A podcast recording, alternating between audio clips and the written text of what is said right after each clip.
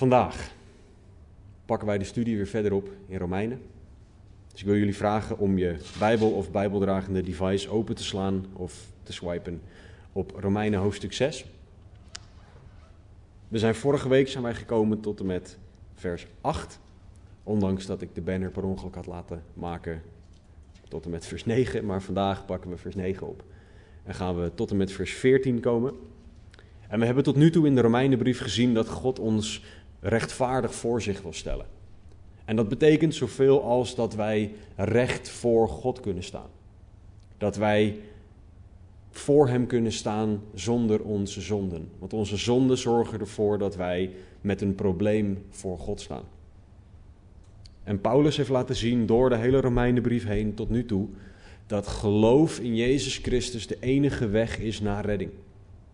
Geloof in Jezus Christus is de enige manier om rechtvaardig, om recht voor God te kunnen staan. Maar het houdt niet op bij op het moment dat je gelooft, zegt God, toedeledokie, dankjewel, je, je geloof nu, het is klaar, op naar de volgende persoon. Zo werkt God niet. God gaat verder. Vanaf het moment dat je tot geloof komt, gaat God een proces met je in. En dat heet het heiligingsproces.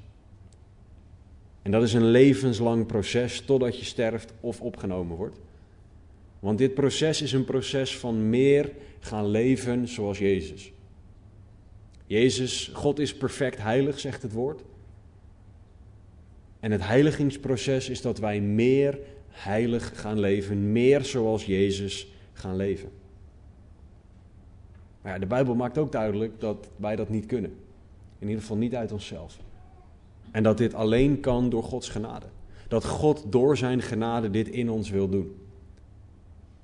En dat is waar Paulus ons aan, op aan het wijzen is in Romeinen hoofdstuk 6.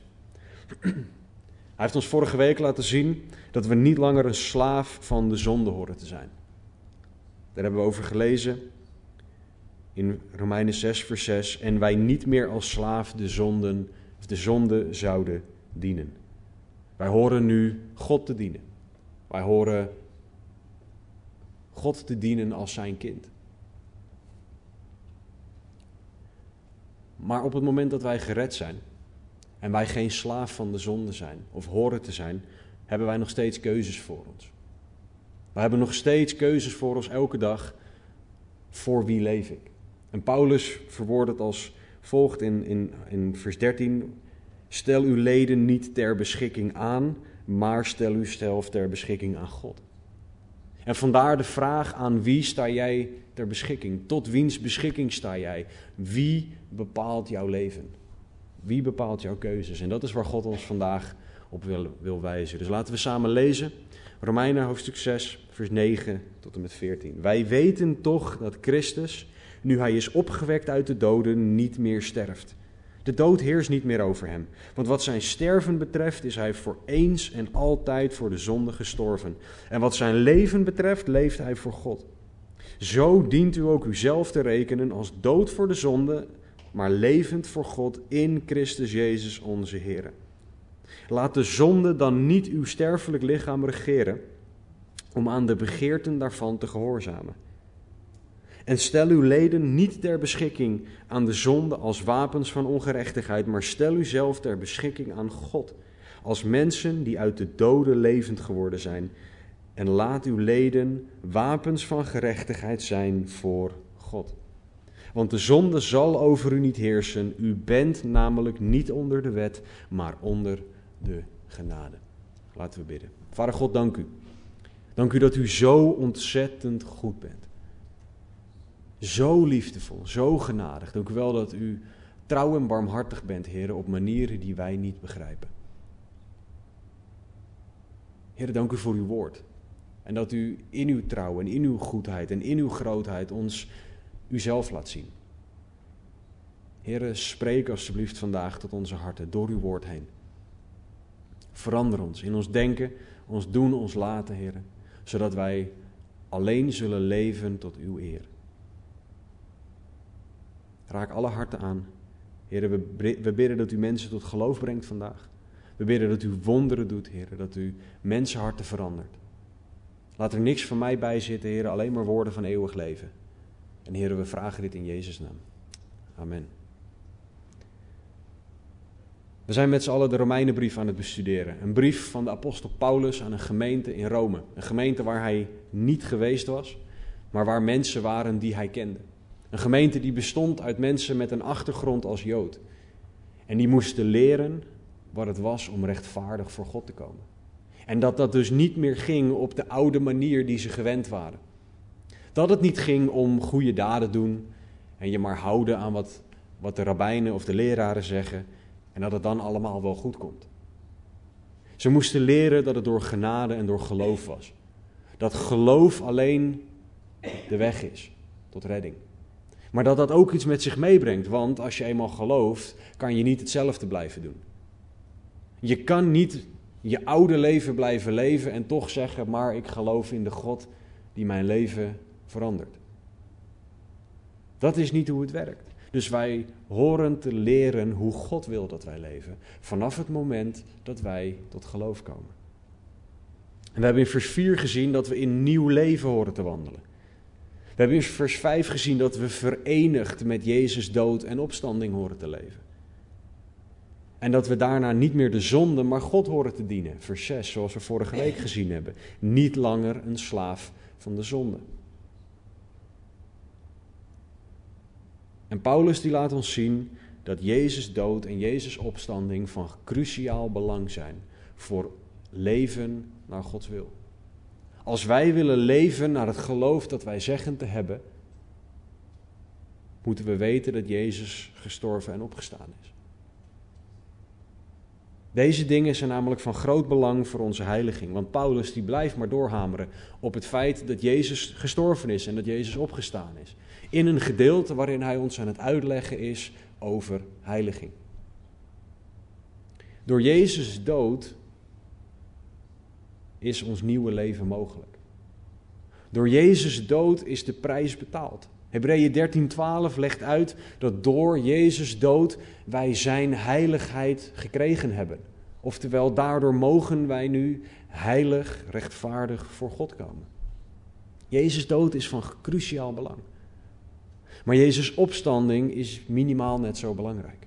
Want door Jezus opstanding heerst de dood niet meer over ons. Want Jezus heeft de dood overwonnen. En kunnen wij nu leven op basis van geloof.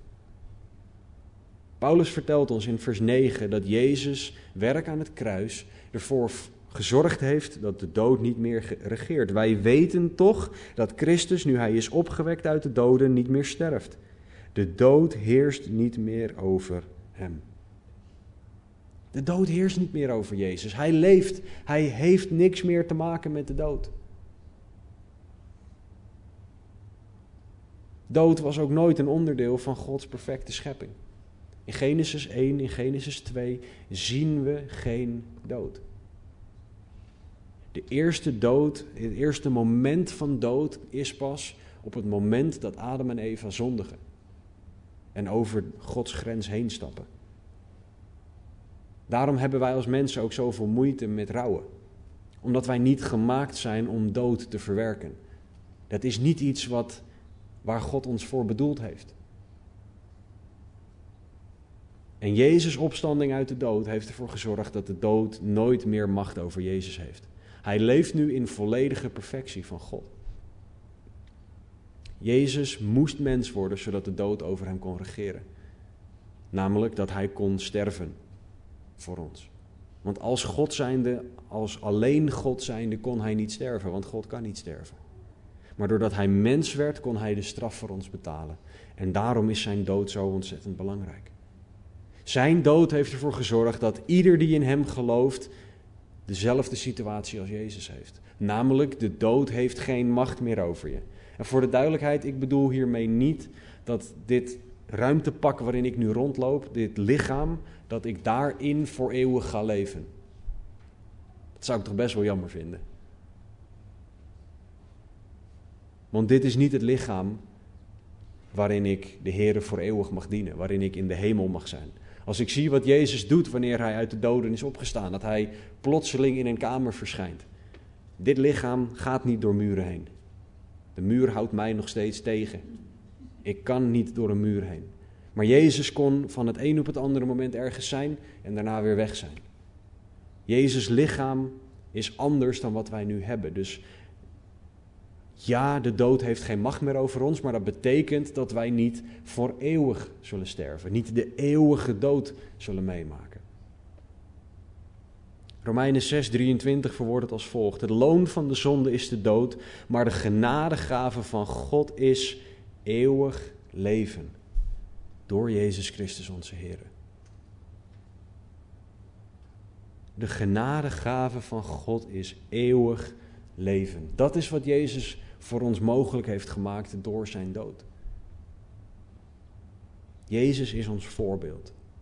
Jezus is ons voorgegaan hierin. Hij heeft de weg gemaakt, de weg vrijgemaakt. Want vers 10 zegt, wat zijn sterven betreft is hij voor eens en voor altijd voor de zonde gestorven. En wat zijn leven betreft leeft hij voor God. Dit is ook onze situatie. Jezus is voor eens en voor altijd voor al onze zonden gestorven. Eén keer voor alle zonden. Daarom kan, nu ga ik hele moeilijke woorden gebruiken, maar ik ga ze uitleggen. De doctrine van de transsubstantiatie, die kan ook niet. Dat is de leer dat bij het nemen van het avondmaal jij het letterlijke fysieke lichaam van Jezus neemt en het, het letterlijke bloed van Jezus Christus drinkt. Dat is een leer die rondgaat, vooral in de Rooms-Katholieke kerk.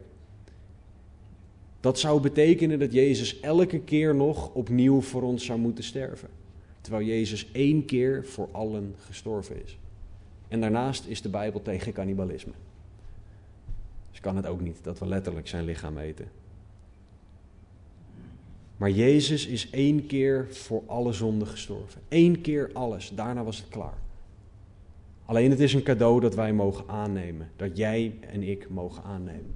En als je het aanneemt, heb je eeuwig leven. Dat is Jezus dood, die heeft dat gegeven.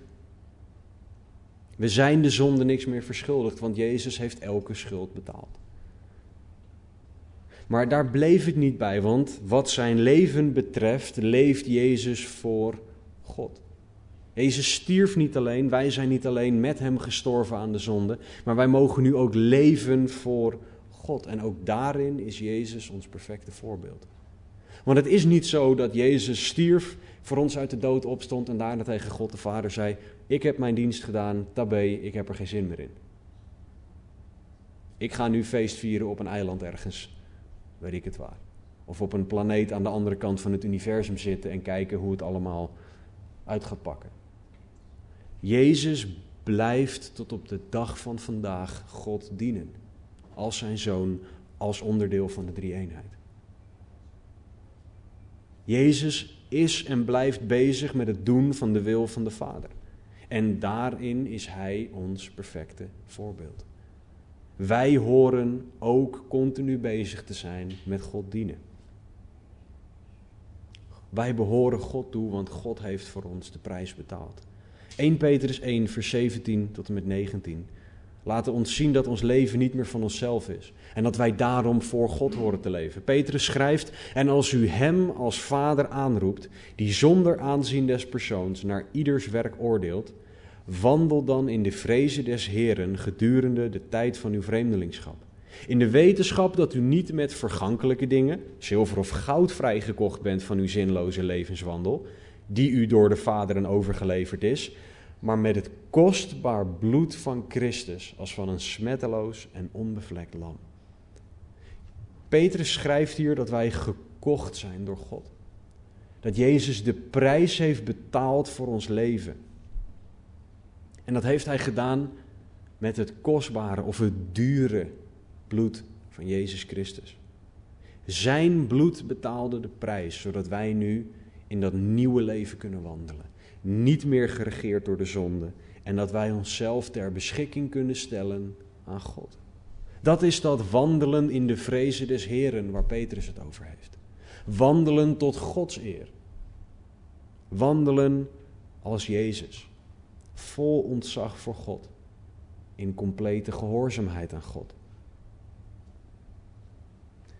Jezus leefde perfect. We hebben vorige week gekeken naar dat Jezus in volledige gehoorzaamheid aan God leefde.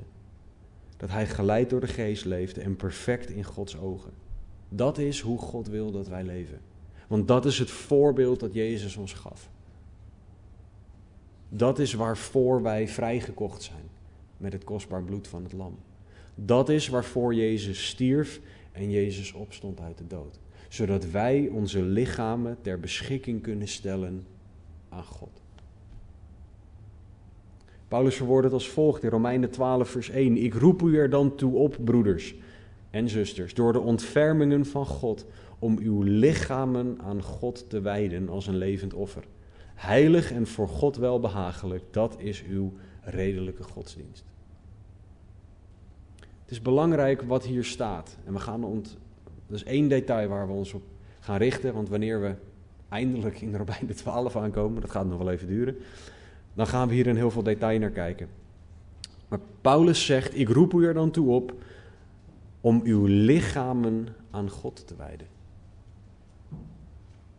Dat detail, lichamen, dat is het detail waar hij ook in Romeinen 6 naar kijkt. Want hij zegt zo, hij zegt, stel uw leden niet ter beschikking aan de zonde. Als we weten dat Jezus voor ons gestorven en opgestaan is, dan hoort dat iets te doen met ons lichaam. Niet dat je lichaam letterlijk verandert, maar wat jij doet met je lichaam hoort te veranderen. Door wat Jezus voor jou gedaan heeft. Waar jij je lichaam voor gebruikt, hoort te veranderen. En vandaar de vraag aan wie sta jij ter beschikking? Tot wiens beschikking sta jij? Wie bepaalt voor jouw leven wat je doet? Paulus gaat verder in vers 11. Zo dient u ook uzelf te rekenen. Het woordje zo is een conclusiewoord. Daarom dient u uzelf te rekenen, Romeinen 6, vers 11. Als dood voor de zonde, maar levend voor God in Christus Jezus onze Heer. Paulus wil dat wij de juiste conclusie trekken op basis van Jezus dood en opstanding. Vandaar nogmaals dat woordje zo. Dat, een conclusie wil Paulus dat wij trekken.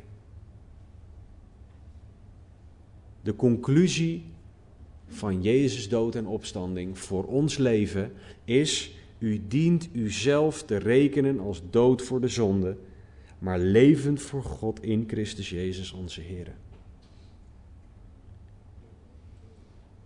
Onze reactie spreekt boekdelen. Onze reactie op het nieuws dat Jezus voor ons gestorven en opgestaan is, zegt wat wij ervan vinden. En hoe wij staan tegenover het kruis en het lege graf. Als wij een reactie van blijdschap en van vreugde hebben, van onderwerping aan God, van dienstbaarheid, dan waarderen wij het kruis en het lege graf. En dat mag elke dag meer, maar het is geweldig als je dat als reactie hebt, blijheid. Het kan ook een koude en ongeïnteresseerde reactie zijn. Leuk, dat weet ik nou wel. Dat heb je al zo vaak gezegd, Daan. Of, maar dat weet ik, want ik heb het al jaren gehoord in de kerk. Of, maar dat is alleen voor wanneer je tot geloof komt, dus dat heb ik nu niet meer nodig. Die reactie laat zien hoe jij echt het kruis en het lege graf waardeert. Of jij echt blij bent met het feit dat Jezus voor jouw zonden gestorven en opgestaan is. Of dat jij toch eigenlijk vindt, of, het, of jij, dat jij er iets anders van vindt. Jouw reactie op Jezus dood en opstanding laat jouw waardering voor het kruis en het lege graf zien. De Bijbelse reactie is er eentje van blijdschap, van nederigheid, van reageren, handelen. Zo dient u ook uzelf te rekenen als dood voor de zonde, maar levend voor God in Christus Jezus onze Heer. Wij horen onszelf als dood voor de zonde te zien. Dat woordje rekenen, daarover heeft Warren Wiersbe, Bijbelcommentator, gezegd: dit rekenen is niet een belofte claimen, maar handelen naar een feit. God geeft ons niet de opdracht om dood te worden voor de zonde. Hij vertelt ons dat we al dood voor de zonde en levend voor God zijn. En draagt ons dan op om daarnaar te handelen. Zelfs als we er niet naar handelen, zijn de feiten nog waar. Het is een feit dat jij dood bent voor de zonde en levend voor God in Christus Jezus als jij gelooft. Alleen wij hebben de keuze om daarnaar te handelen of niet. Wij zijn de zonde niks meer verschuldigd. Wij kunnen nu kiezen voor God. Alleen de vraag is of jij dat doet. Het is belangrijk dat jij een keuze maakt. Wij kunnen namelijk nu voor of tegen de zonde kiezen. Voorheen kon ik alleen maar kiezen voor de zonde. Nu in Christus kunnen we kiezen tegen de zonde. En dat is een keuze die we elke dag zullen moeten blijven maken. Voor of tegen de zonde. Totdat we sterven of opgenomen worden.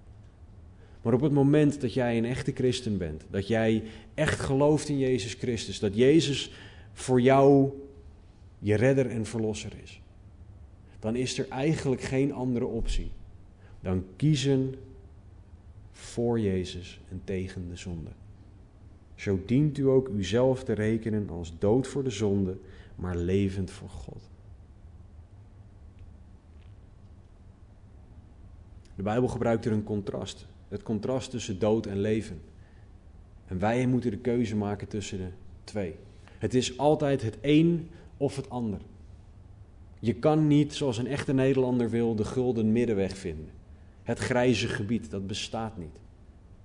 Het is het een of het is het ander. Het is licht of het is duisternis. En wij moeten kiezen.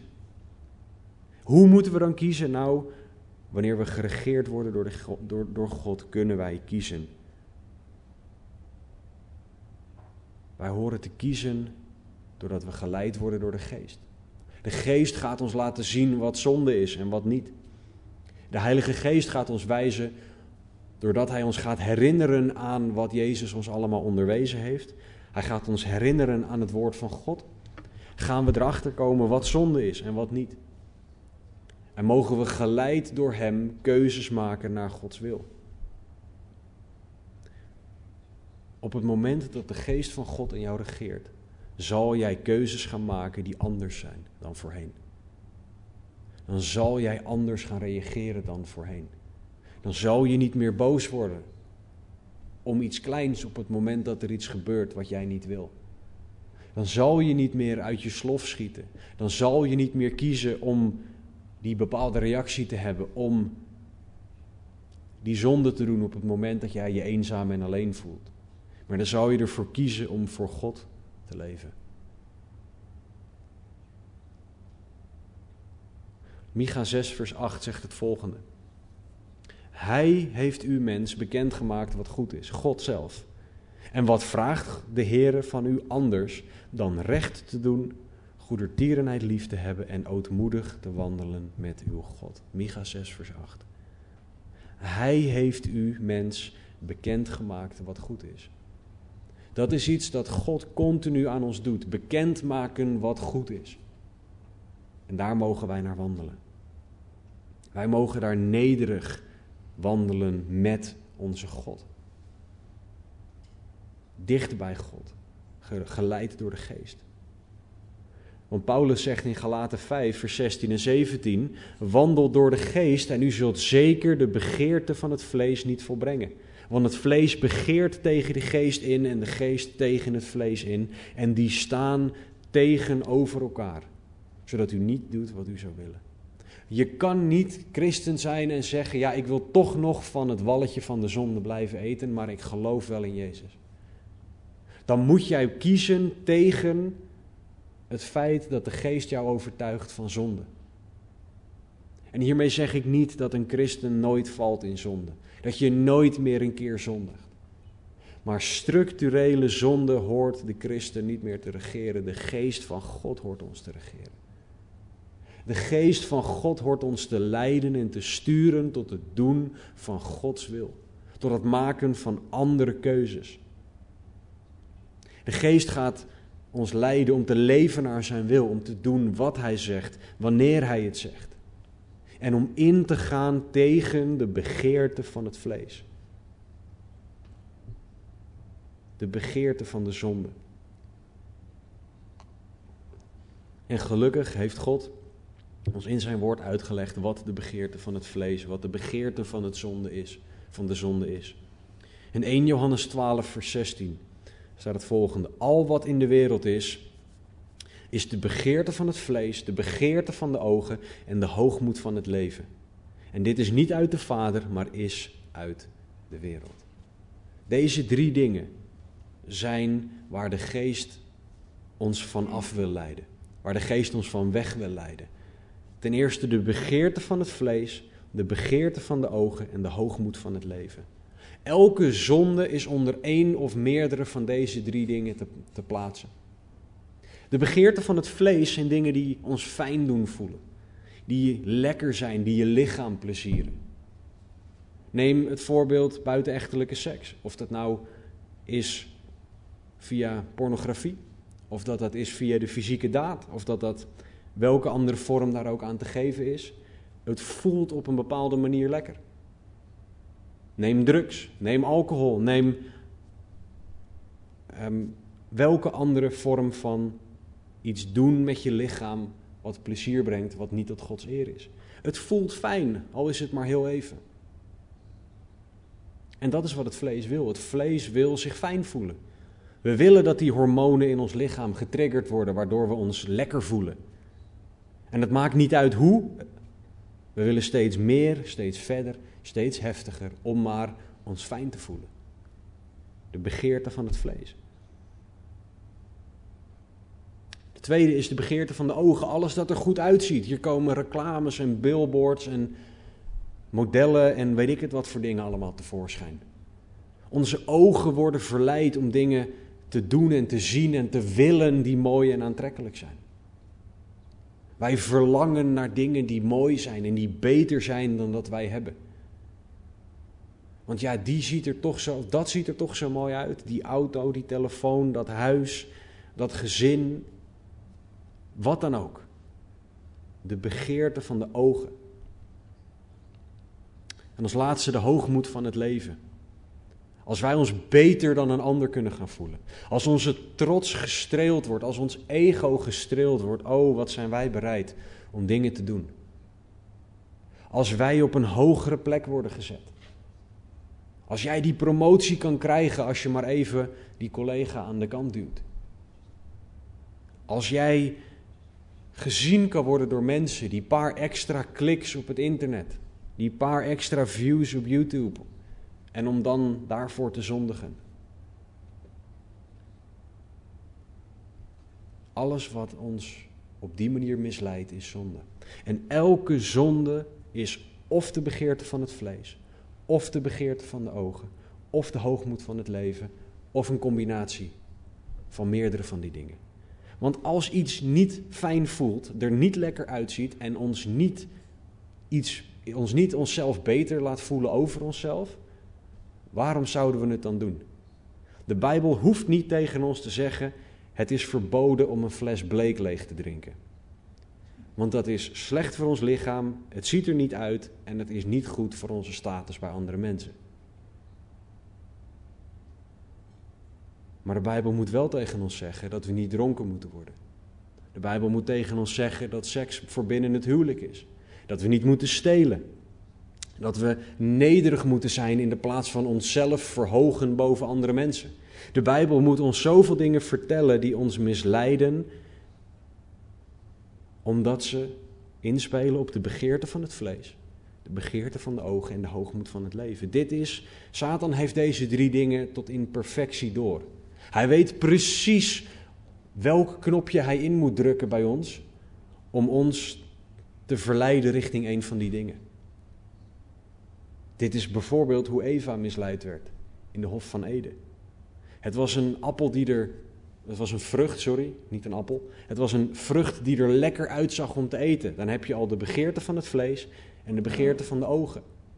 En ook nog eens, ze zou aan God gelijk worden, de hoogmoed van het leven. En daarom viel zij. En daarom viel Adam. En daarom is, dat is de manier waarop zonde in de wereld is gekomen. En de geest van God wil ons leiden om niet meer door die dingen geleid te worden, maar om geleid te worden door God.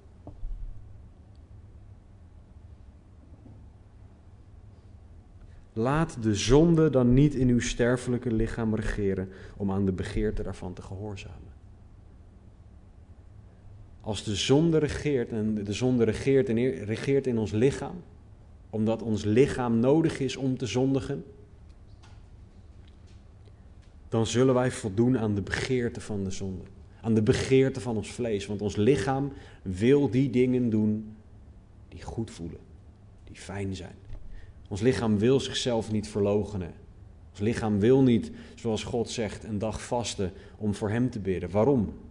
Nou, omdat ons lichaam gewoon gevoed wil worden. Die wil vol zitten.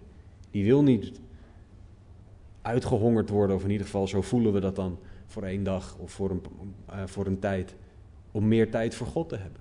Onze lichamen regeren ons zo vaak om dingen te doen die zondig zijn. En dan zeg ik niet dat eten zonde is, voor de duidelijkheid, voordat iemand dat denkt. Maar ons lichaam zet, kan ons wel aanzetten tot zonde.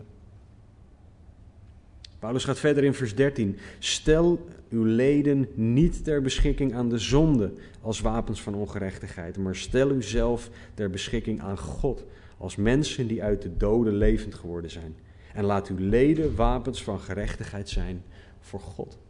Paulus heeft het hier over jezelf ter beschikking stellen aan.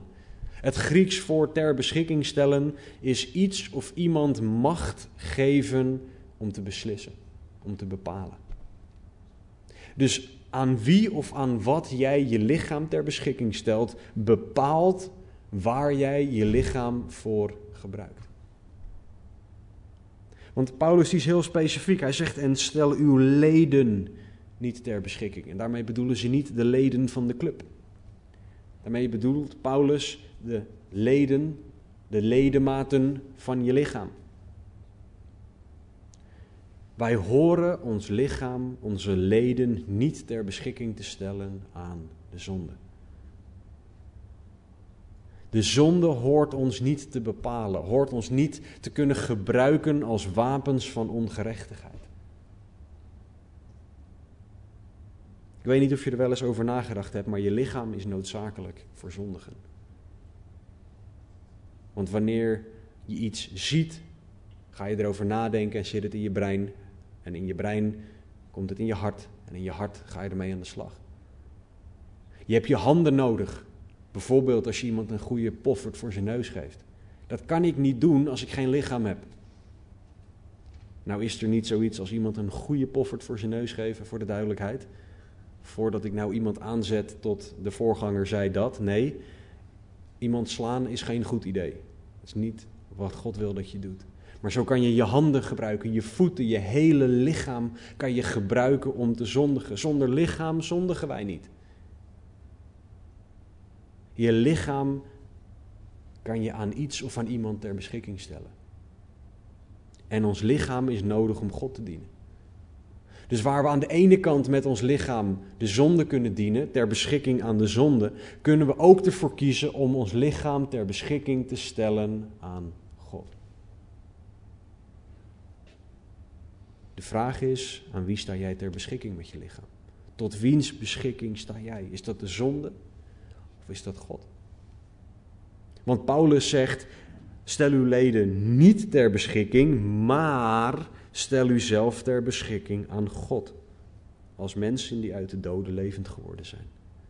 Wij horen ons lichaam aan God te geven om in Zijn dienst te staan. We horen niet meer te leven voor de zonde, want Jezus heeft de schuld van de zonde betaald.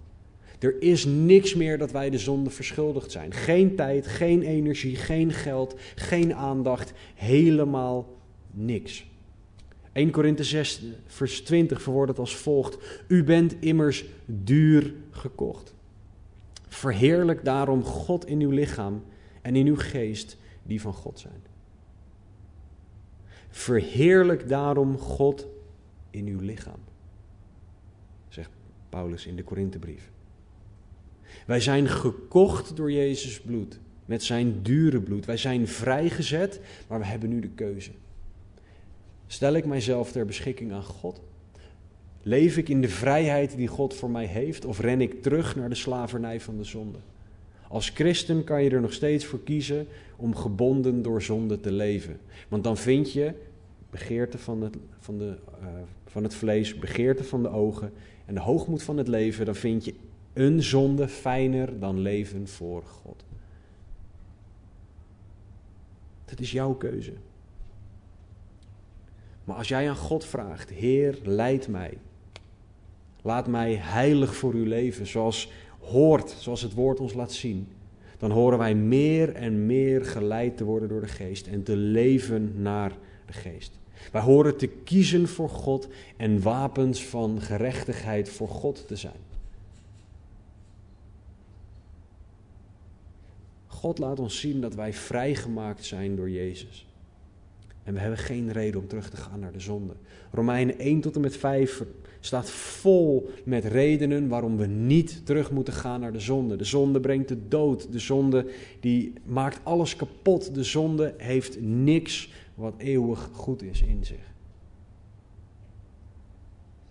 En daarom moeten jij en ik, zondaars, moeten kiezen om te leven voor God. Om niet te leven voor tijdelijk plezier. Want geen enkele zonde levert eeuwige goedheid op. Levert eeuwige blijheid op. Eeuwige vreugde. Daarom staat in het Grieks het woordje stel, voor stel uw leden, in de gebiedende wijs. En in de actieve vorm. Wat zoveel betekent als God draagt ons op, jij moet dit doen. En je moet het nu doen. En nu. En nu. En elk moment van de dag moet je dit doen. Je moet kiezen en blijven kiezen voor God. Want ik kan heel goed mijn dag beginnen en kiezen voor God. En dan opeens gebeurt er iets op mijn werk. Een collega zegt iets vervelends, iemand doet iets niet of wel. En dan ben ik misschien mijn dag goed begonnen met een keuze voor God. Maar dan heb ik nog steeds de keuze om op dat moment wel of niet boos te worden. Of om wel of niet in liefde te reageren. Dan heb ik nog steeds de keuze om wel of niet te roddelen over die ene collega. Want die deed me toch een partijtje. Puntje, puntje, puntje. Of kies ik ervoor om ook op, in een situatie die ik niet verwacht had. Om dan te zeggen, Heer, leid mij. Kortste gebed is help, zei mijn moeder altijd. Zegt ze nog steeds trouwens. Maar dat is het gebed dat we mogen bidden. Heer, help. Help mij om nu voor u te leven. Maar het begint wel met een eerste keuze. En dan mag je daarna steeds voor God blijven kiezen. Je mag steeds voor God en tegen de zonde blijven kiezen. Want als we voor God kiezen, kiezen we ook tegen iets. Het is altijd een voor en een tegen. Het is of het een of het ander. En als wij voor God kiezen, dan kiezen wij tegen het gevolg en daarmee ook het plezier van de zonde. Want laten we niet onszelf voor de gek houden. Zonde is in ieder geval tijdelijk plezierig. Het geeft je een goed gevoel om naar te praten over die ander. Of om die roddel te kunnen verspreiden, want dan weet jij iets. Het geeft een goed gevoel om, ik weet het niet uit ervaring, maar om drugs te gebruiken, om dronken te zijn, om um, overspel te plegen. Het, je lichaam voelt zich tijdelijk goed. Anders heb je geen reden om te zondigen. Maar voor God kiezen is tegen dat tijdelijke plezier kiezen en voor eeuwige vreugde kiezen. Vreugde in God. Als wij ervoor kiezen om onze lichamen niet langer ter beschikking aan de zonde te stellen, dan kiezen wij tegen het plezier van de zonde, maar ook de beloning van de zonde. Want zonde loont. Er zijn zoveel rijke zondaren op deze wereld. Ook mensen die overduidelijk zondigen. Neem wapenhandelaren, neem um, drugshandelaren de overduidelijke zondaren. Sommige van die mensen hebben meer geld dan wij ooit in ons leven op zouden kunnen maken. Zonde loont tijdelijk. Je kan er rijk van worden, je kan er aanzien mee krijgen, je kan er geliefd mee worden door deze wereld. Maar voor God kiezen is ook tegen die beloning kiezen, omdat God een veel betere beloning heeft. Omdat God een veel betere toekomst voor je heeft dan alles wat de zonde je zou kunnen bieden. Stel je leden niet ter beschikking aan de zonde, maar stel uzelf ter beschikking aan God.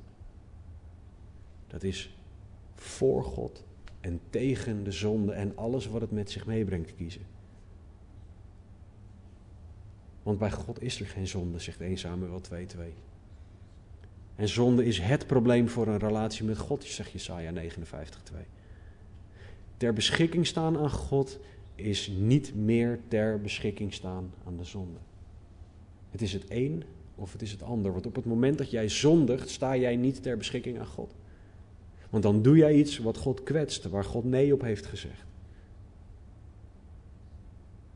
Maar ter beschikking staan aan God. Dat betekent horen en doen wat Hij zegt. O, hoe anders zou de kerk zijn, zou jij zijn, zou ik zijn. Als wij leven naar alles dat wij weten over God en over Zijn woord. Ter beschikking staan aan God is horen en doen wat Hij zegt. Wij weten meer over God dan dat wij leven voor God. Wij weten dat we X, Y, Z moeten doen, maar. Wij weten dat we X, Y, Z niet moeten doen, maar. Wij weten dat God altijd te vertrouwen is, maar in deze situatie. We weten dat God altijd liefde is, maar ik begrijp het nu niet. Ter beschikking staan aan God betekent horen en doen, oftewel luisteren naar zijn wil. Ter beschikking staan aan God betekent leven op zijn manier.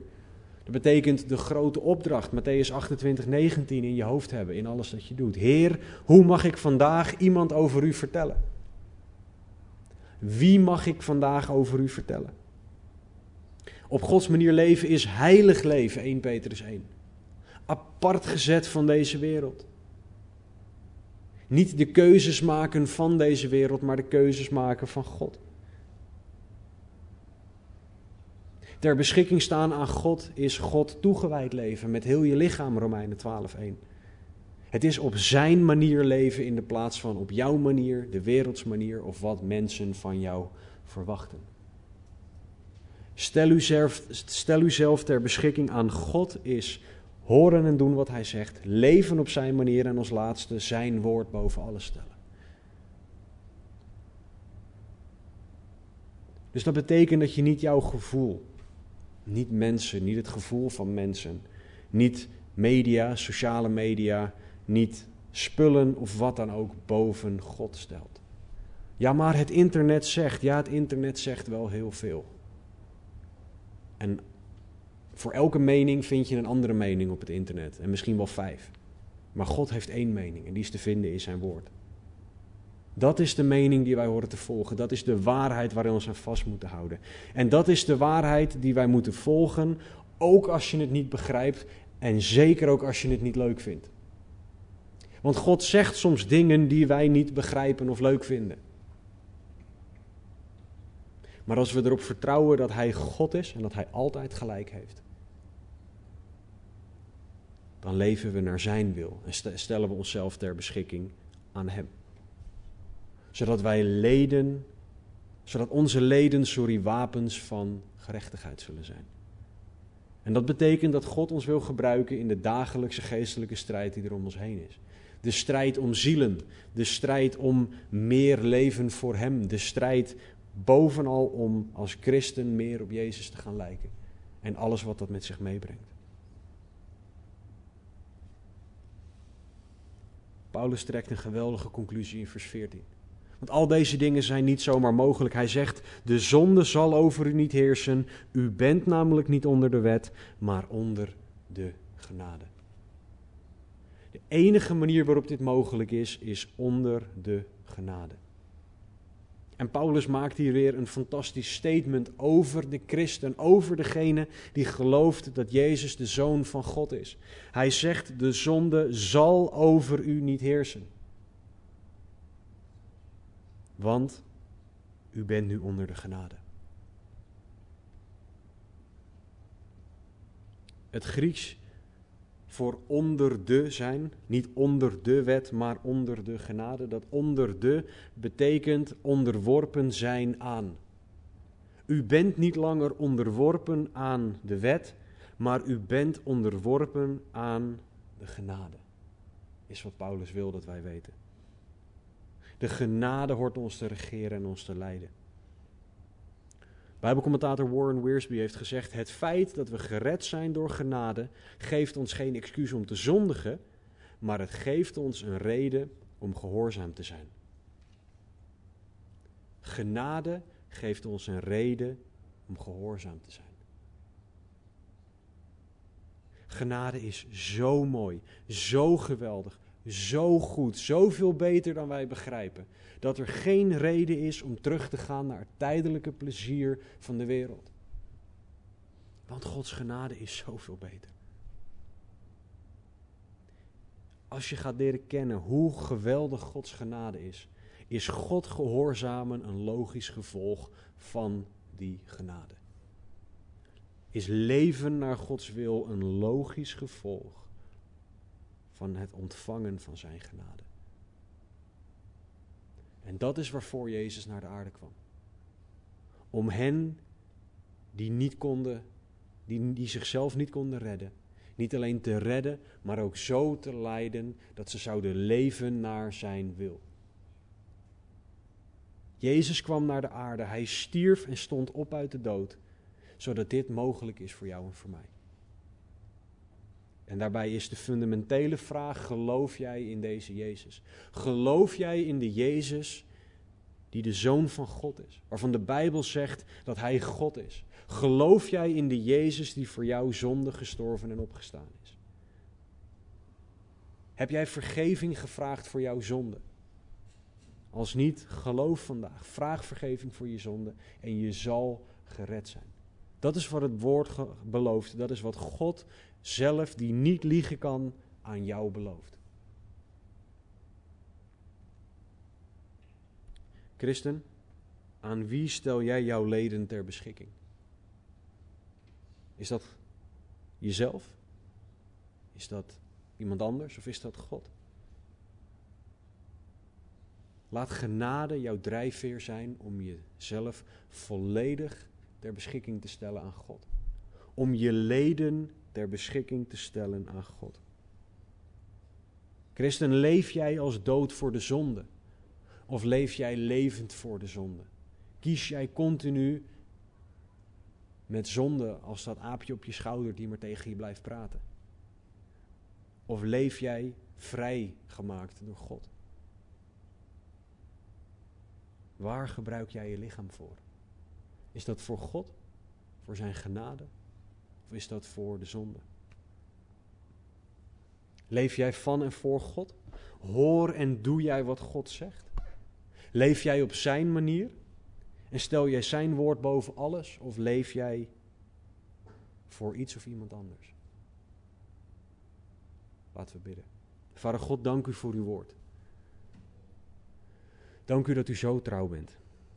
Zo goed.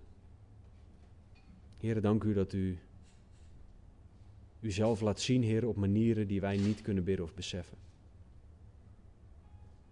Heren, ik bid dat u vandaag, Heren, iedereen zal laten zien hoe nodig het is dat wij voor u leven. Heren, laat iedereen alstublieft zien aan wie wij onze leden ter beschikking stellen. Laat een ieder alstublieft zien, Heren, wat onze keuzes zijn. En hoeveel beter u voor ons hebt. Heer, dank u voor de momenten dat wij onze leden ter beschikking stellen aan u.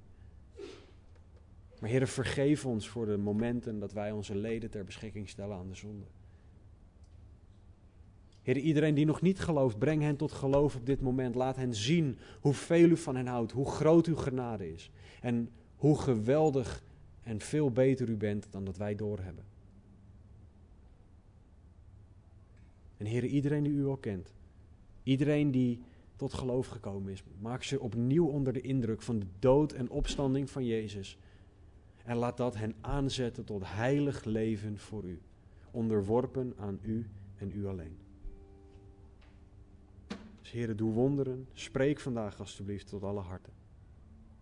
Heer, we loven en we prijzen uw naam. En help ons alsjeblieft allemaal om onszelf ter beschikking te stellen aan u. Ik roep u er dan toe op, broeders, door de ontfermingen van God, om uw lichamen aan God te wijden als een levend offer, heilig en voor God welbehagelijk. Dat is uw redelijke godsdienst.